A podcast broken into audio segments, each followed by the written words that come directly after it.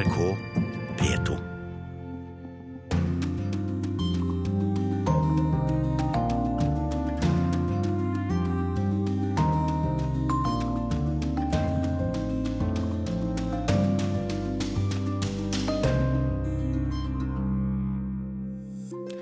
I Washington har Donald Trump gått på et av sine største nederlag siden han ble president. I Roma feirer EU-lederne seg selv og unionen, for i dag er det 60 år siden samarbeidet ble innledet gjennom Romatraktaten. Men EU er inne i en av sine vanskeligste perioder. Særlig de unge sliter. Okay, I want to say something about young Italian people if I can. I have a sister who left one month ago because Italy doesn't give anything for us. Vi får også besøk av en norsk utenrikspolitiker, en mann som var russepresident sju år før traktaten ble underskrevet, og som kjenner EU og Europa bedre enn de fleste, nemlig Torvald Stoltenberg. Det er også valgår i mange europeiske land, inkludert Tyskland. Og der gjør sosialdemokratene med deres nye og utradisjonelle leder det uventet godt. Jeg møter sosialdemokratenes nye superstjerne på et arrangement for nye partimedlemmer i Berlin. Og så skal det handle om en positiv overraskelse der de færreste ventet det, nemlig Donald Trumps Midtøsten-utsending. For hvem er egentlig Jason Greenblatt? Korrespondentbrevet kommer fra Kina og handler om å lese baklengs.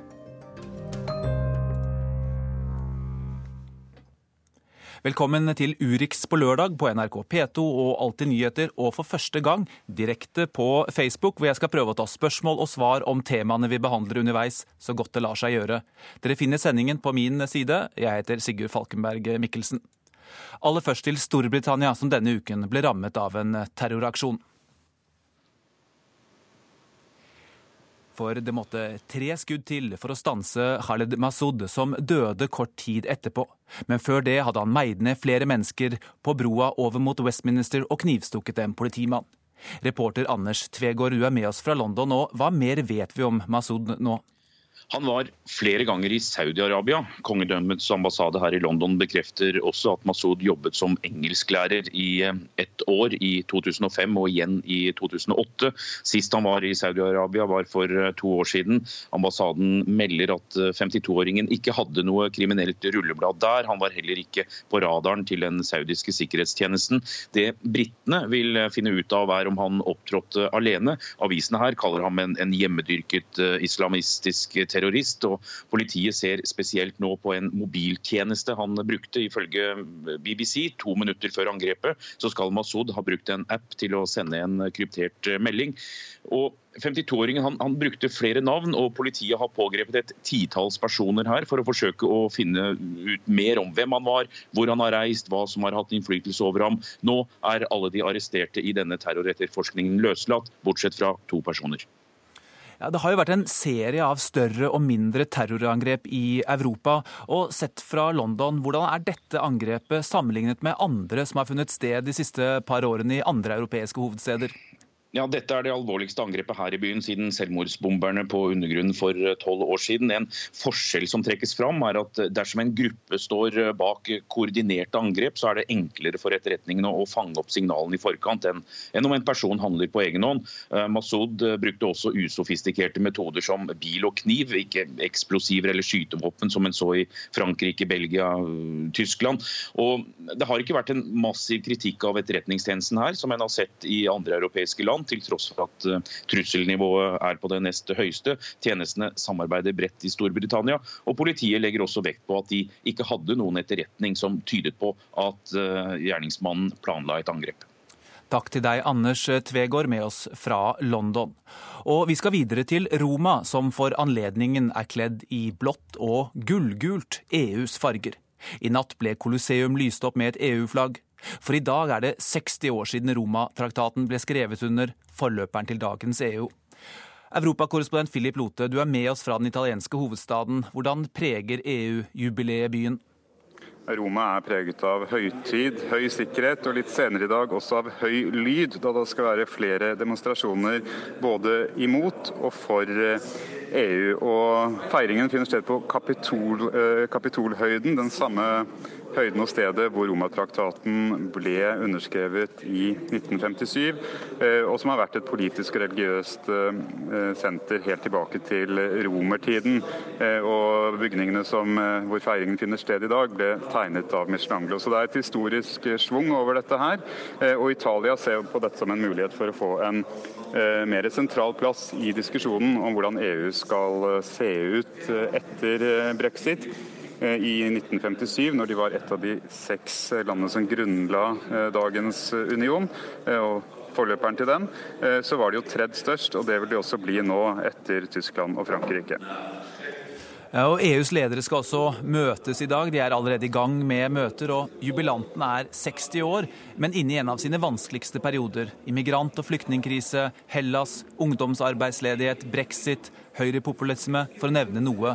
Det mangler ikke på temaer å snakke om for EU-lederne?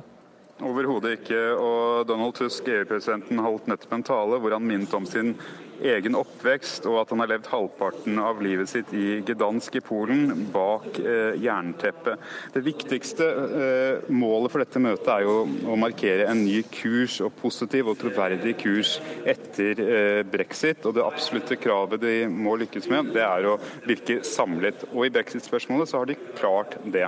Det er veldig få av de 27 regjeringssjefene som er her, som byr på egne meninger om forhandlingene med Storbritannia.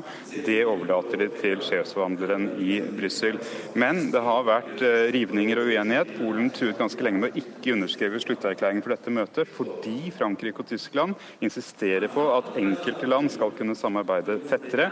Og Polen, som er, eh, ikke er medlem av eurosonen, frykter at de skal bli hengende etter. I tillegg så har Hellas og Frankrike, som eh, begge har, akkurat nå i hvert fall, regjeringer som ligger til venstre i politikken, insistert på at sosialpolitikk må være en del av slutterklæringen.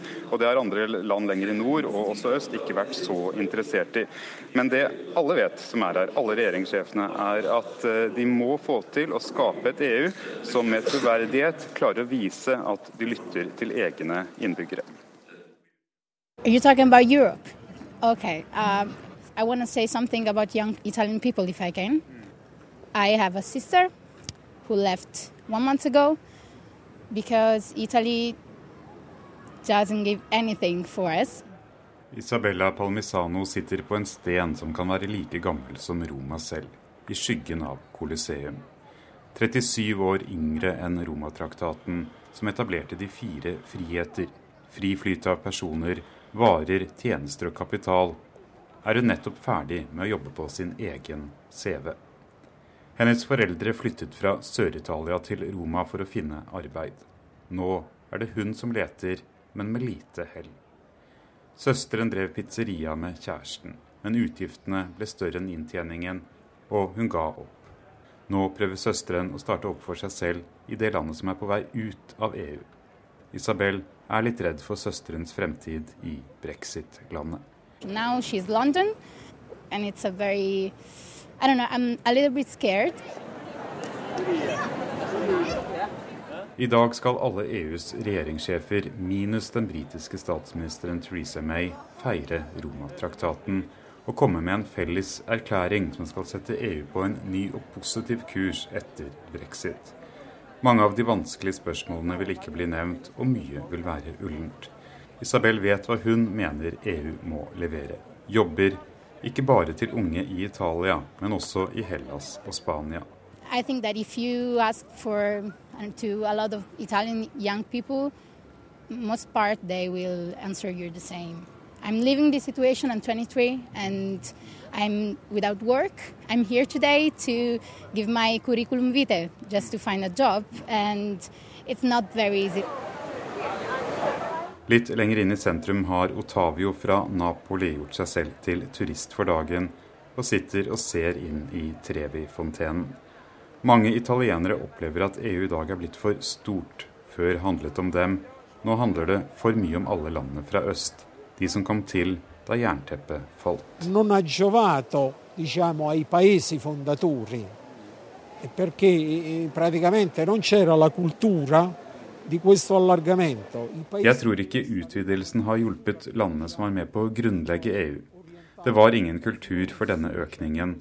Landene lenger øst har en mer østlig eller russisk kultur som utviklet seg etter andre verdenskrig. Tilnærmingen skulle vært mer praktisk. Vi skulle fått til en modning av unionens idé, og deretter kunne vi ha utvidet. E.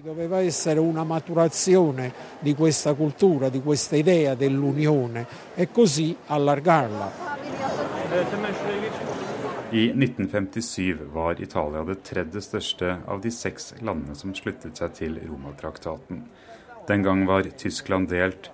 Øst-Tyskland og land som Ungarn, Polen og Romania del av Sovjetunionens militære og økonomiske system. Spania var styrt av fascisten Franco. Uten Storbritannia blir Italia igjen tredje største i unionen. Do you think that the EU is in a crisis now? Uh, maybe yes. Studentene Claudia Cinerella og Julia Cristiano nyter ettermiddagen ved spansketrappen. De tror det er et tap både for unge briter og unge i resten av EU at Storbritannia forlater unionen. Men de tror EU har en fremtid. We're going to rebuild a new Europe without one of the fundamental uh, states like UK. That's a big challenge. You think the result will be positive in the end? Yes, I'm a believer of the European Union, a great supporter of European Union. Det var Philip Lote som rapporterte fra Roma. Og hit til studio har vi fått deg, Torvald Stoltenberg, utenriksminister to ganger, forsvarsminister, fredsmekler på Balkan og, fant jeg ut før sending, russepresident i 1950, altså sju år før denne traktaten ble inngått. Eh, Og hva tenker du når du hører om situasjonen til disse unge italienerne som sliter med å få seg jobb? Det er jo ikke noe de er alene om sør i Europa. Hva sier det om dagens situasjon? Ja, det viser jo til de vanskeligheter, og de kanskje alvorligste vanskeligheter som er innen EU. Men jeg er heldigvis gammel nok til å huske øh, annen verdenskrig, og ikke minst øh, da freden kom, og hvor slagordet var 'aldri mer krig'.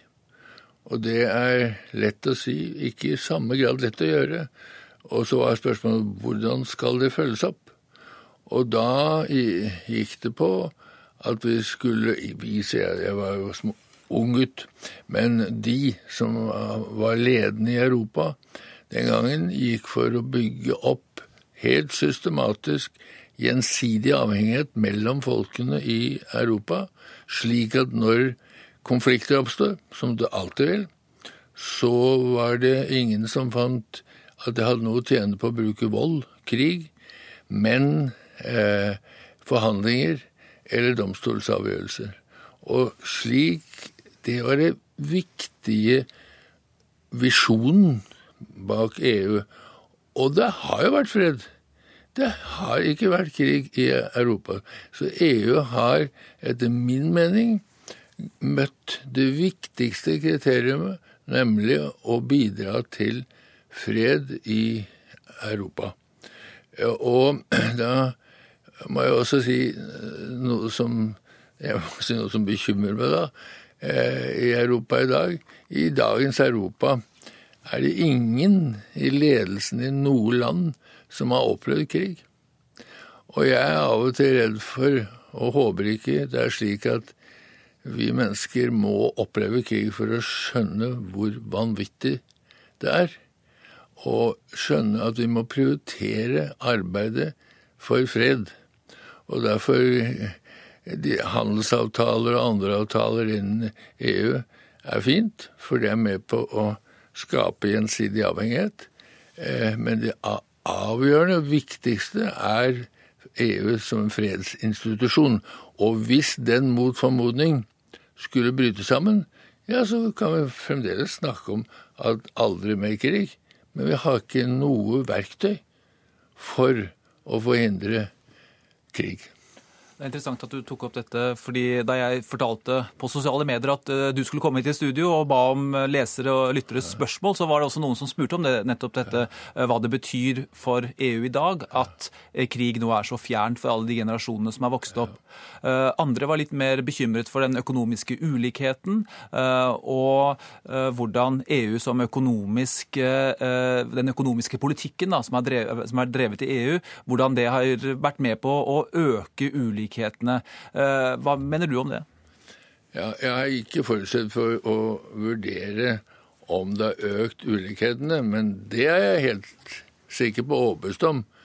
At det å motvirke ulikheter og gjøre det som er mulig for å bygge ned forskjellene, det er viktig for hvert enkelt folk innen EU. Og det er naturligvis da også viktig for EU. De er jo oppe i en eh, krise hvor arbeidsledigheten, særlig blant eh, unge, har satt seg, som jo skaper både politisk instabilitet, men som også tar bort noe av den vitaliteten da, som er nødvendig eh, på det europeiske kontinentet. Hvilke politiske konsekvenser ser du av det? Nei, altså Det det skjer, er jo en stor fare for at du kan bryte sammen. Og, det kan bryte seg nettopp på noe slikt. For er det noe jeg også eh, Ta de to viktige sakene som vi arbeider med internasjonalt i dag. Det er klima, og det er fattigdom. Og eh, det er helt overbevist om at vi greier ikke å løse de eksistensielle spørsmålene uten at alle land avgir noe av sin sjølråderett til et felles sjølråderett for å løse så viktige og vanskelige spørsmål. Eh, alle er glade for Parisavtalen, og jeg håper inderlig det holder helt ut, sånn at det skjer noe. Men jeg er i tvil, fordi at eh, disse store konferansene i dag, det har alltid vært sånn, de eh, fører jo til at det blir minste fellesnevner bestemmer tempo. Og det betyr igjen at vi menneskene eh, vil alltid ligge etter utfordringene, for å si det pent, eller etter problemene. Og vi må ta disse vanskelige og ubehagelige spørsmålene også. For jeg, det er klart jeg er for sjølråderett for Norge.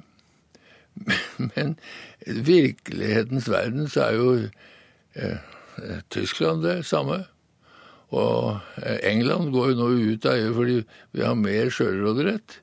Men, men, men, det hjelper jo ikke engelskmennene, for at eh, Kina ønsker sjølråderett, og USA ønsker sjølråderett, og Russland ønsker sjølråderett. Og innen EU så eh, ønsker jo alle, alle land ønsker sjølråderett i størst mulig grad.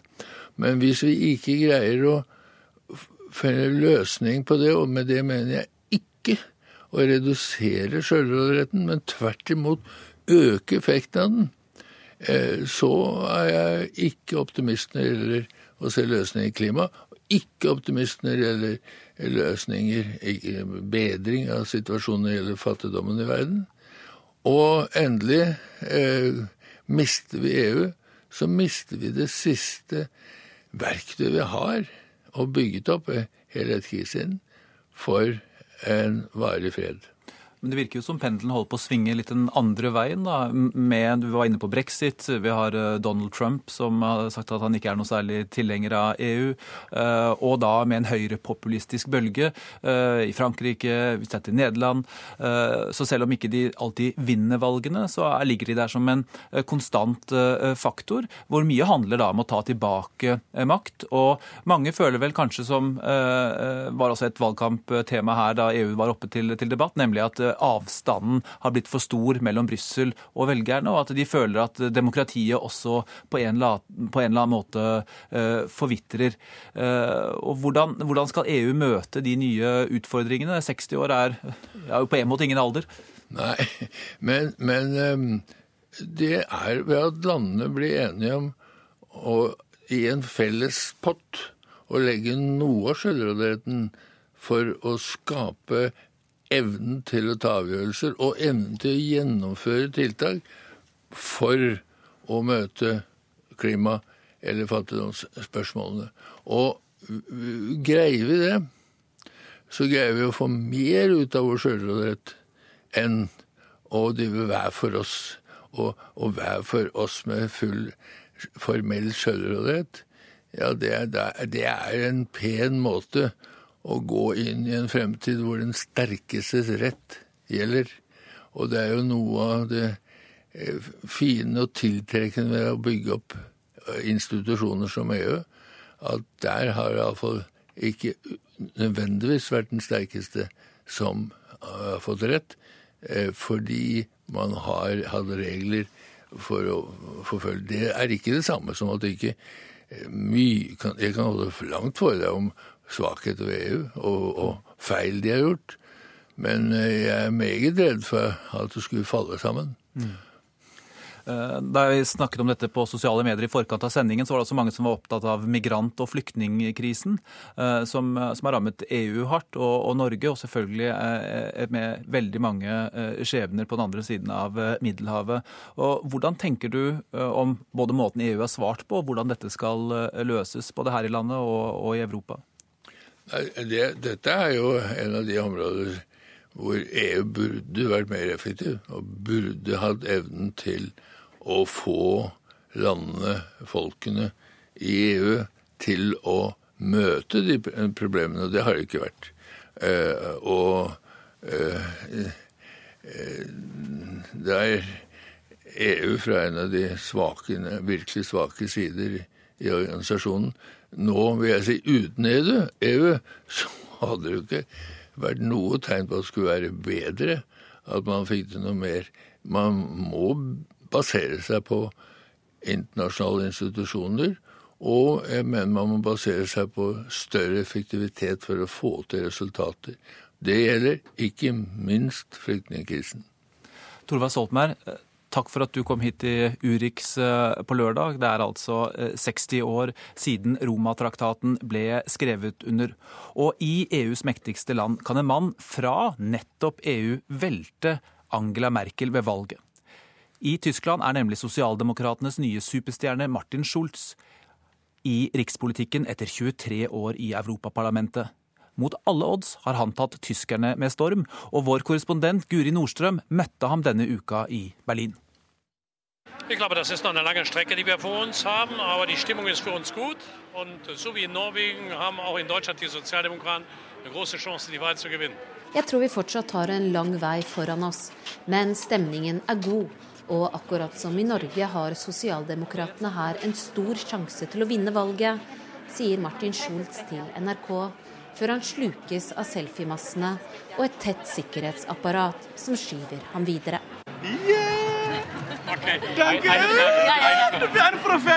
Jeg møter sosialdemokratenes nye superstjerne på et arrangement for nye partimedlemmer i Berlin.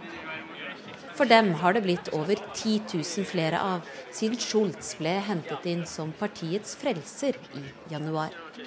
To av dem er ekteparet Karin og Helmut Damrau, som har stilt seg i kø en halvtime før møtet starter. Wir sind äh, schon immer Sympathisanten, wir haben sie auch immer gewählt.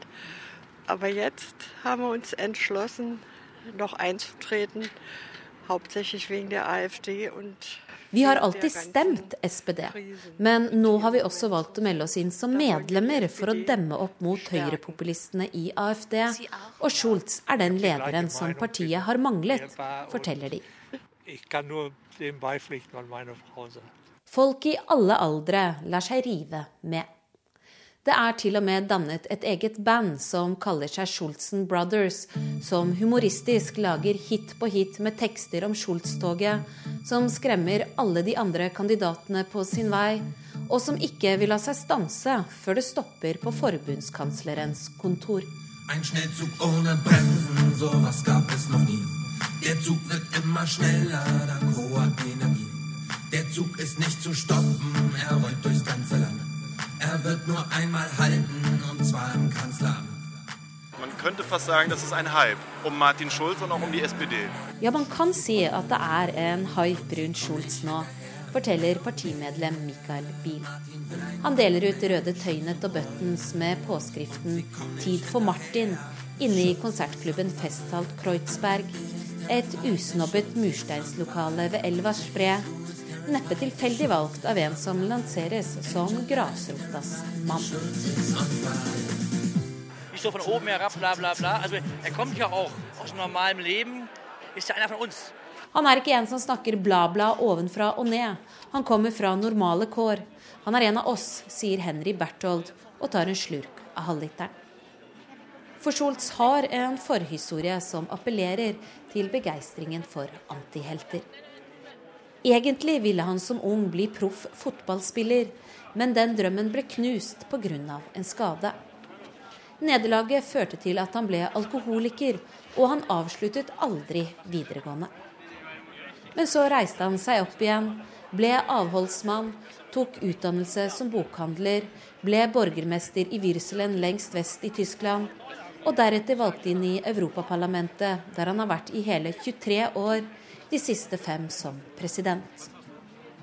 Timingen han flytter hjem til Tyskland og hopper inn i rikspolitikken på, kunne ikke ha vært bedre for sosialdemokratene. Mens Merkels parti CDU sliter med intern uenighet og slitasje etter migrantkrisa, har SPD gått frem hele 10 prosentpoeng etter at redningsmannen fra EU tok plass i førersetet. Dersom det hadde vært direkte kanslervalg, ville Merkel og Scholz fått omtrent like mange stemmer, viser flere meningsmålinger. Og kontrasten mellom de to blir nå dyrket for alt det er verdt. Der hun er tilbakeholden og rasjonell, spiller han på følelser og er åpen om privatlivet sitt. Der hun har doktorgrad, har ikke han engang artium. Og mens hun snakker i runde formuleringer, snakker han rett fra levra. Også på talerstolen nå, hvor han sier rett ut at det høyrepopulistiske partiet Alternativ for Tyskland er en skam for landet, og at sosialdemokratene ikke nødvendigvis er bedre mennesker, de har bare bedre ideer.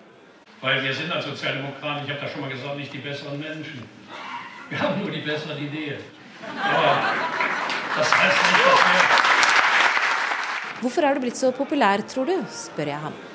Ich glaube, dass die Leute das Gefühl haben, dass ich äh, ihre Gefühlslage aufnehme. Jeg tror folk har inntrykk av at jeg forstår deres følelser, svarer han som kan bli Tysklands neste forbundskansler.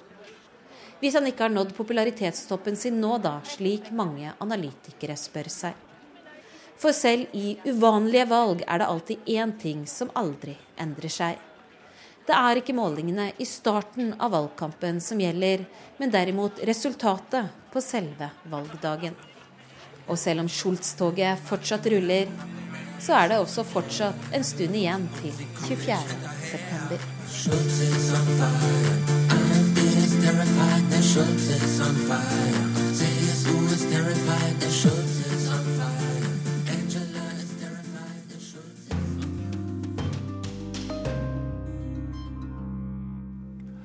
Klokka har akkurat passert eh, halv tolv. Du hører på Urix på lørdag i NRK P2 og Alltid nyheter.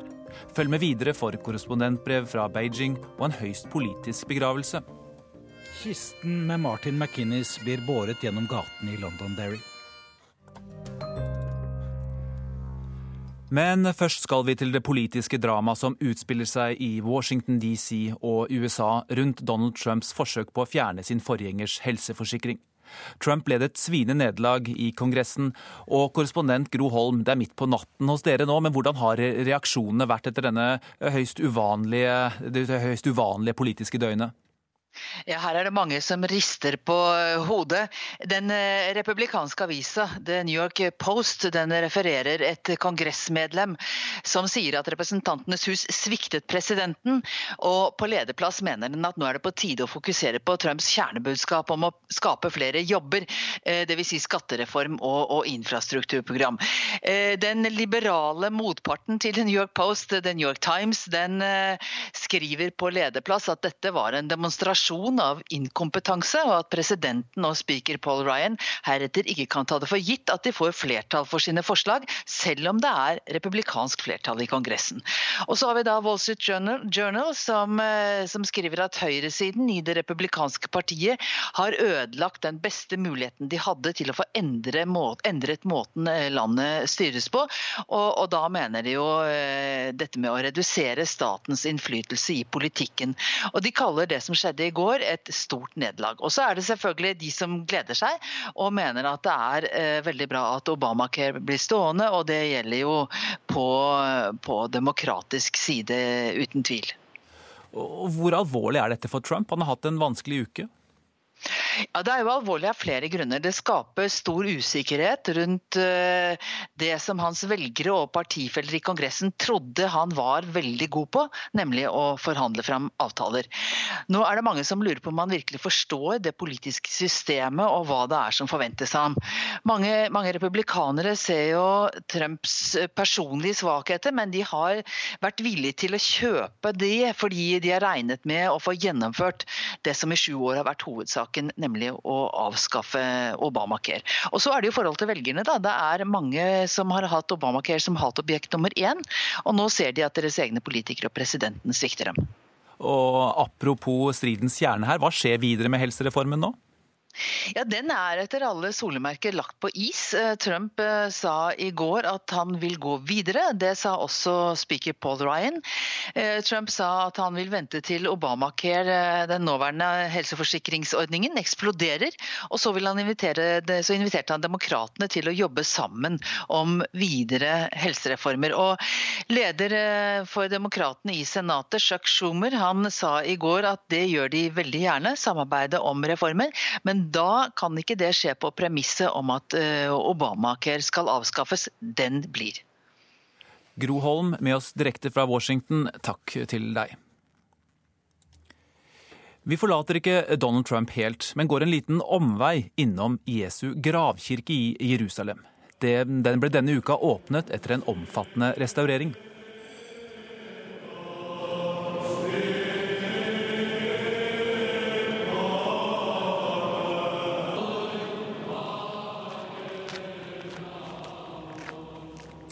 Jeg er på vei opp til eh, Vestre Aker kirke i eh, Oslo. Det er en litt uh, bratt bakke, så man blir litt kortpustet. Men jeg har ikke tatt turen hit for å snakke om religionens plass i Midtøsten, men for å snakke politikk.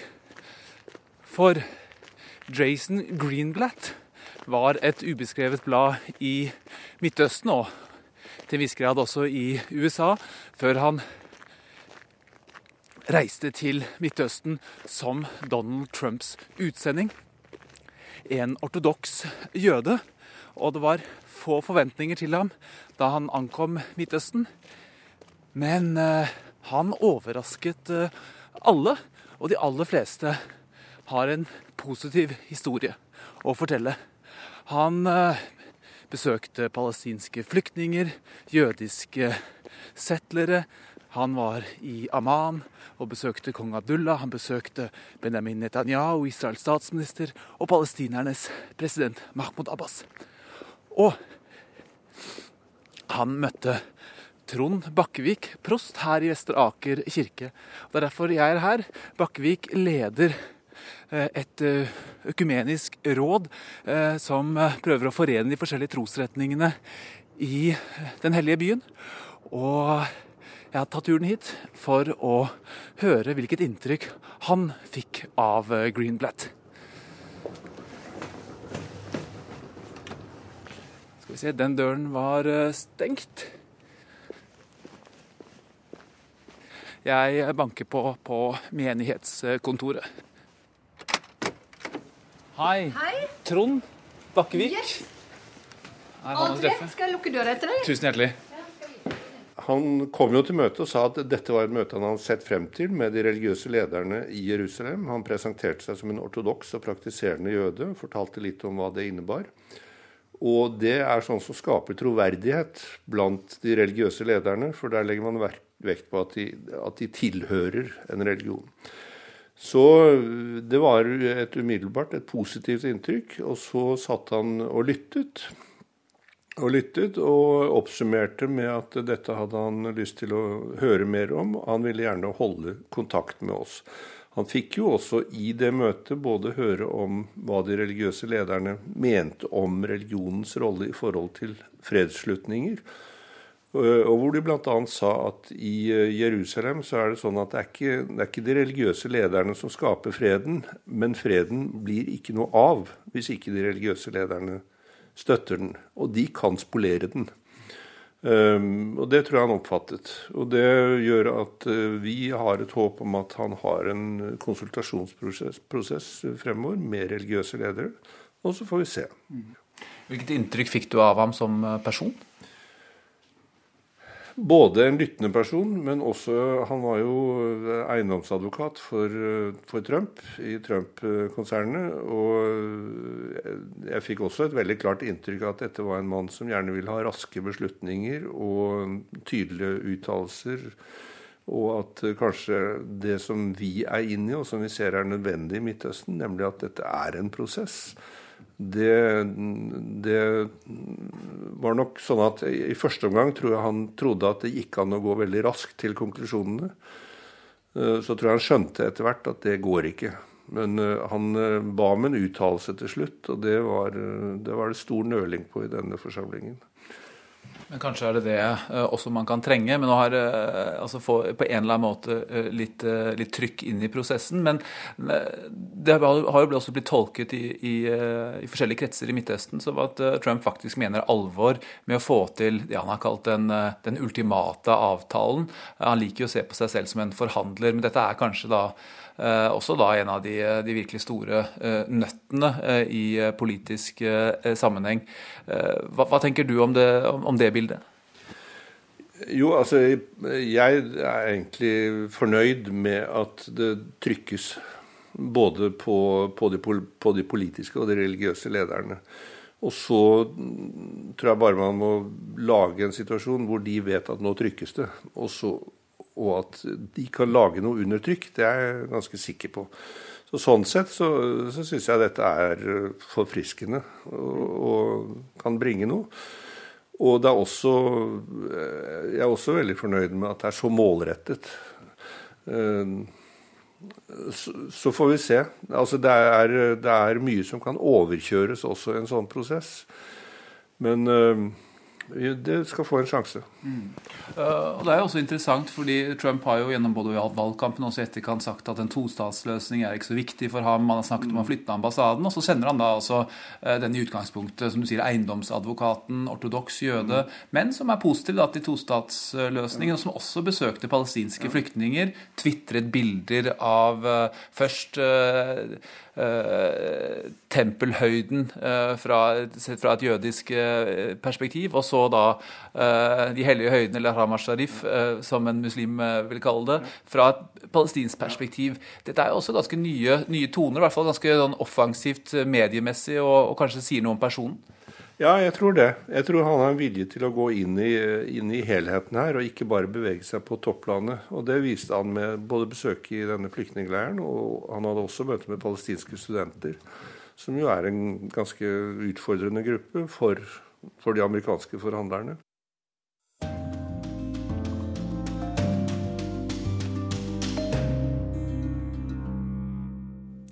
Vi skal tilbake til Europa. For i Frankrike har presidentvalgkampen vært ualminnelig tung for det regjerende sosialistpartiet. Partiet sitter med tidenes mest upopulære president, en presidentkandidat som knapt slipper til på avisenes forsider, og denne uka måtte innenriksministeren gå fra sin post. Samtidig må høyresidens Francois Fillon svare på nye beskyldninger om lovbrudd. Marit Kolberg følger den franske valgkampen. C'est pourquoi j'ai adressé au président de la République ma démission.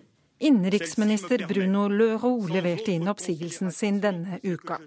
Også han har brukt ordningen som vi nå har blitt kjent med gjennom bråket rundt den konservative presidentkandidaten Francois Fillon. For også Leroux hadde ansatt familiemedlemmer som parlamentariske assistenter. Også han, som Fillon, påpeker at det er fullt lovlig. Men også han, som Fillon, blir beskyldt for å ha sørget for en god betaling for sine, uten at noen nevneverdig innsats er å spore.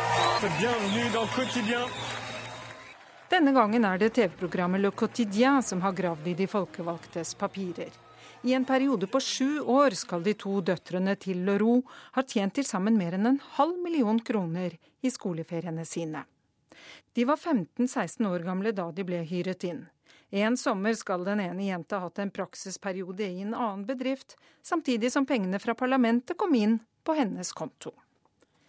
Noe også sosialistpartiets førstesekretær innrømmer kan være et problem. Est-ce que le travail a été effectué ou pas si le, travail, si le travail n'a pas, pas été effectué, vous avez raison, c'est un complément de salaire, et là c'est un vrai problème. Problemet er ikke ansettelsene, spørsmålet er om jobben er gjort, sier han.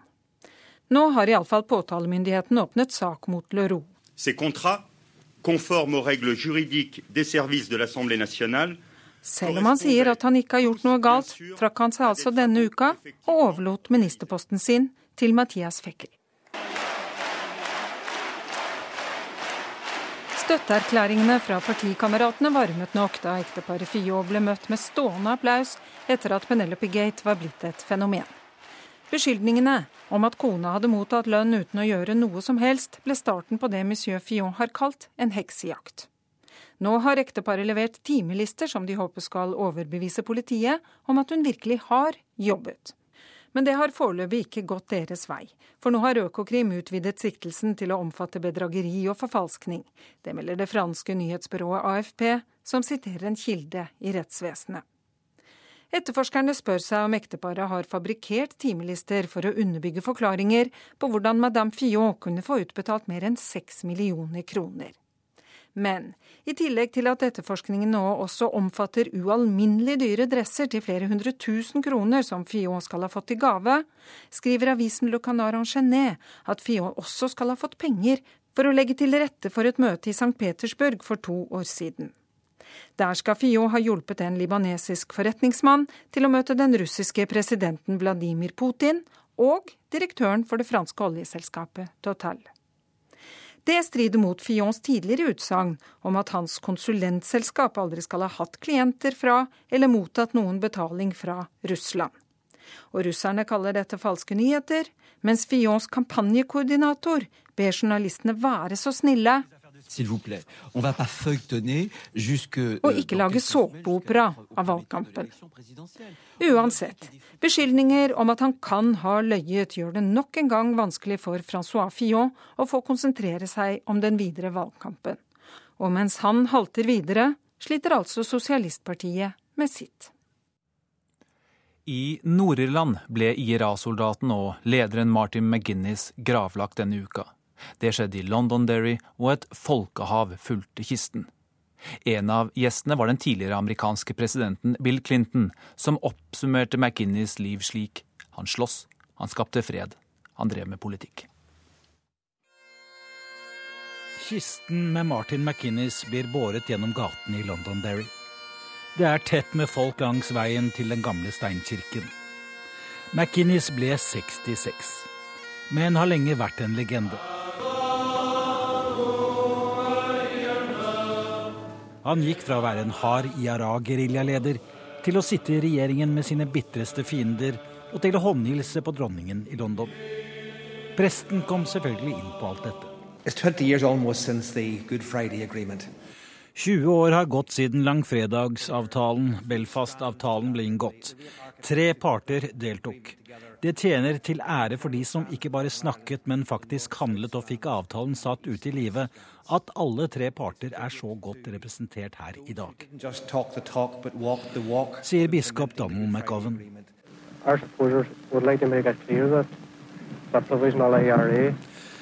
McInnes ble født i 1950 og skulle egentlig bli slakter.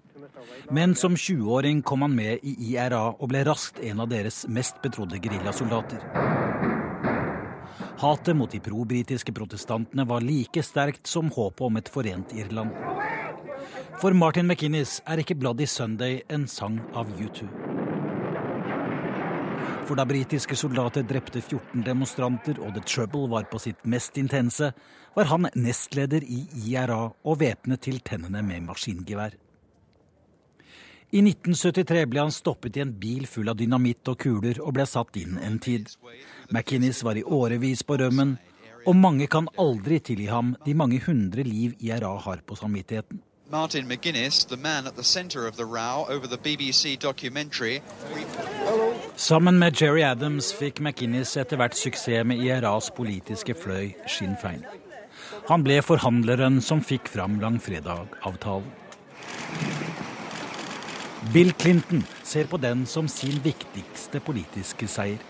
Den tidligere presidenten tok med seg litt humor inn i kirken. Now I want to say something about Martin McGuinness. I came to treasure every encounter. Jeg satte pris på alle mine møter med ham. Jeg likte ham.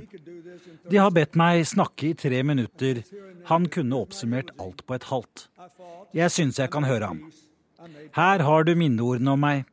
Jeg sloss, jeg skapte fred, jeg drev med politikk, sier Bill Clinton. Avtalen ble signert 10.4.1998 og var en fredsavtale i Nord-Irland mellom den britiske og irske regjeringen. Senere ble McInnes skoleminister i Nord-Irlands regjering. I januar gikk han av som viseførsteminister.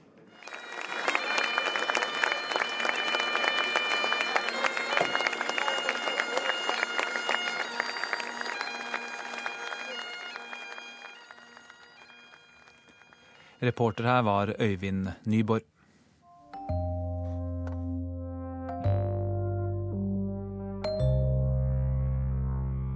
Korrespondentbrevet er postlagt i Beijing. Debatten går både i Norge og resten av verden om falske nyheter nå om dagen. Nå har også den kinesiske partipressen kastet seg på bølgen med stor entusiasme, rapporterer Asia-korrespondent Peter Svaar. Det var selvsagt bare et tidsspørsmål før trenden med falske nyheter også nådde hit til Kina. Her er det vestlige menneskerettighetsgrupper som har stått bak.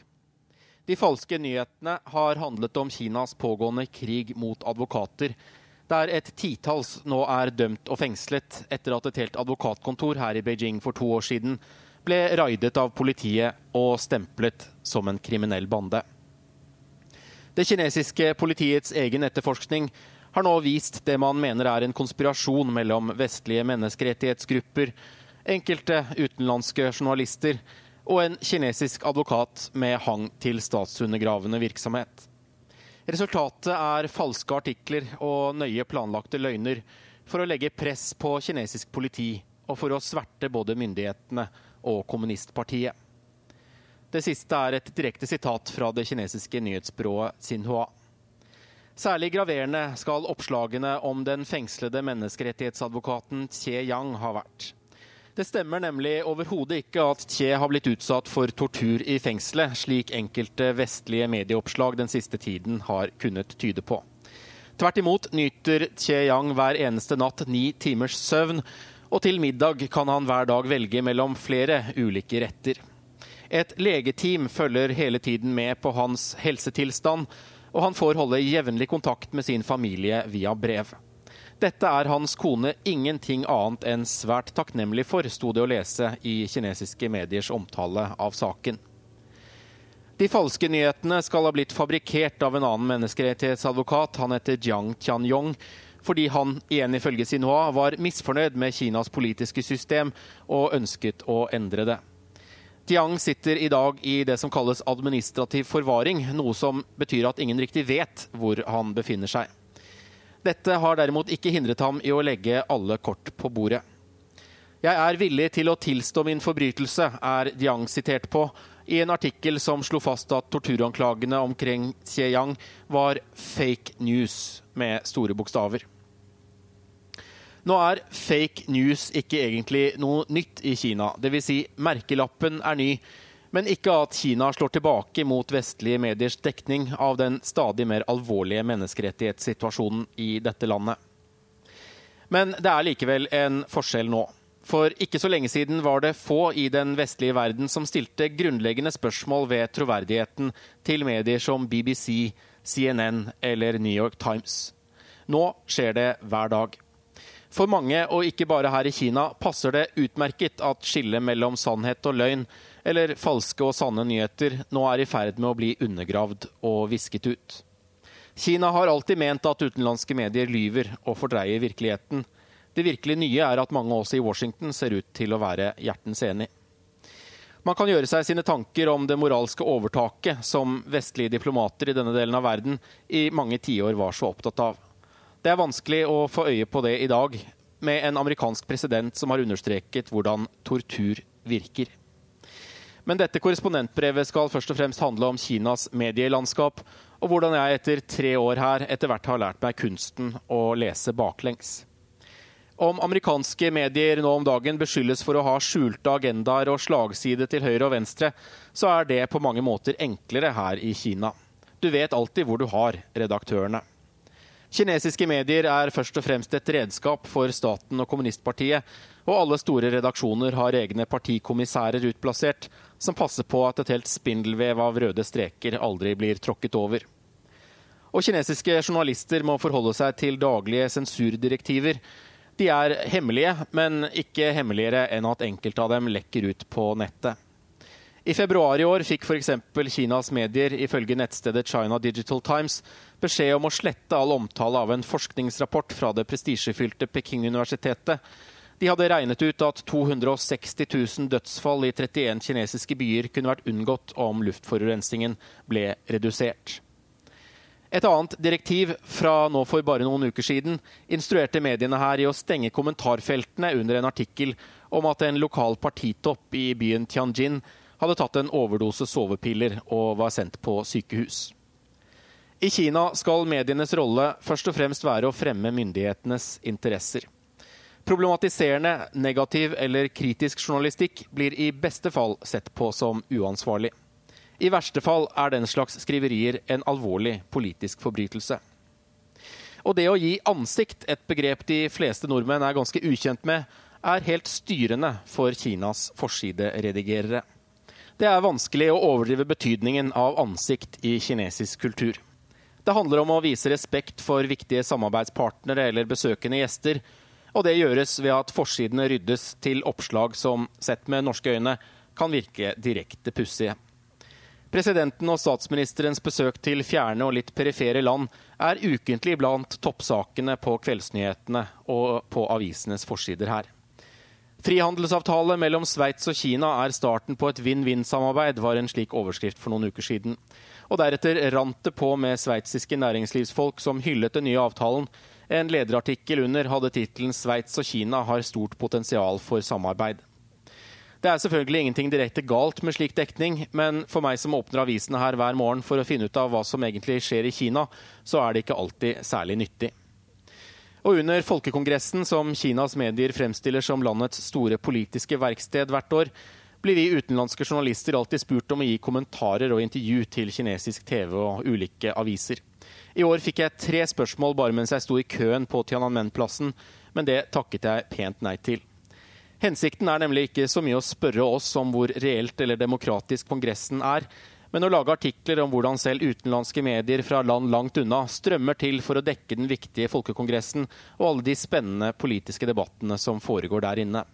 I fjor havnet et bilde av NRK-teamet mens vi gjorde opptak ute på plassen, i en kinesisk avis, helt uten at vi hadde blitt spurt først. Faktisk er forsidene på kinesiske aviser nesten aldri særlig interessante.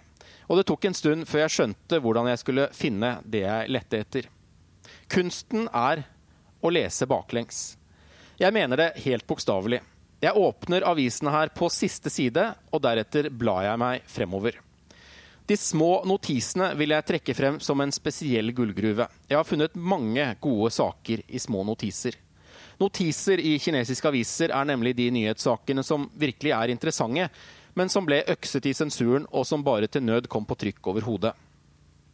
Etter hvert har jeg skjønt at mye i Kina med fordel kan leses baklengs. I boligområdet der NRKs leilighet ligger, var jeg f.eks. klar over at bygget ved siden av skulle rives, og at det ville komme nybygg. Jeg var litt bekymret for støy og nattlig hamring, men håpet at det ville gå greit. Men da en avstivet konvolutt ble skjøvet under dørsprekken med invitasjon til champagne og kanapeer for å feire starten på dette nye byggeprosjektet, da fikk jeg virkelig bange anelser. Snart ble en fire meter høy berlinmur reist mellom bygget der jeg bor, og det som skulle bli byggeplassen. Den grå muren var snart dekket av enorme bannere med bilder av grønt gress og sommerfugler i blomstereng. Og ganske riktig, kort tid etter fikk jeg ny beskjed om at byggingen pga. stor tidsnød heretter ville foregå 24 timer i døgnet uten stans. Man takket for min forståelse og mitt samarbeid. Kanskje har jeg blitt kynisk, men jeg bombes faktisk med propaganda hele døgnet, også via mobilen. Jeg mistenker et mønster. F.eks. får jeg ofte oppløftende SMS om hvilke tiltak Beijing nå planlegger for å bekjempe luftforurensning. Da er det første jeg tenker at nå er en runde med skikkelig dårlig luft på vei, og så titter jeg ut av vinduet og sjekker værvarslingen. Men også når jeg prøver å forstå hva som skjer i Kinas mest spente og lukkede provinser, som den vestlige Xinjiang-provinsen, der det er et sted mellom vanskelig og umulig for vestlige journalister å reise inn og rapportere, så griper jeg iblant til å lese baklengs. Nå For noen uker siden viste kinesiske medier bilder av enorme militæroppstillinger i Xinjiang, med tusenvis av soldater på geledd, og den lokale partikontrollerte avisen snakket om en kommende kamp mellom det gode og det onde, og mellom lys og mørke. Den eneste offentlig kjente voldshendelsen i vinter er et knivangrep i midten av februar. Men om man leser baklengs, så ender man fort med å spørre seg om situasjonen i Xinjiang egentlig er mye verre enn det som har blitt offentlig kjent til nå. Det er slike undringer man gjør seg i et land der det meste kan leses baklengs, og der man nok i tiden fremover hjertelig vil omfavne den nye trenden med falske nyheter. Vi hørte Peter Svaar fra Beijing, og han avsluttet denne ukas Urix på lørdag. Teknisk ansvarlig Lisbeth Sellereite, produsent Ulf Tannesfjell. Takk til dere alle som fulgte denne timen med utenriksnyheter og reportasjer. Ha en fortsatt god lørdag. Her i studio satt Sigurd Falkenberg Mikkelsen.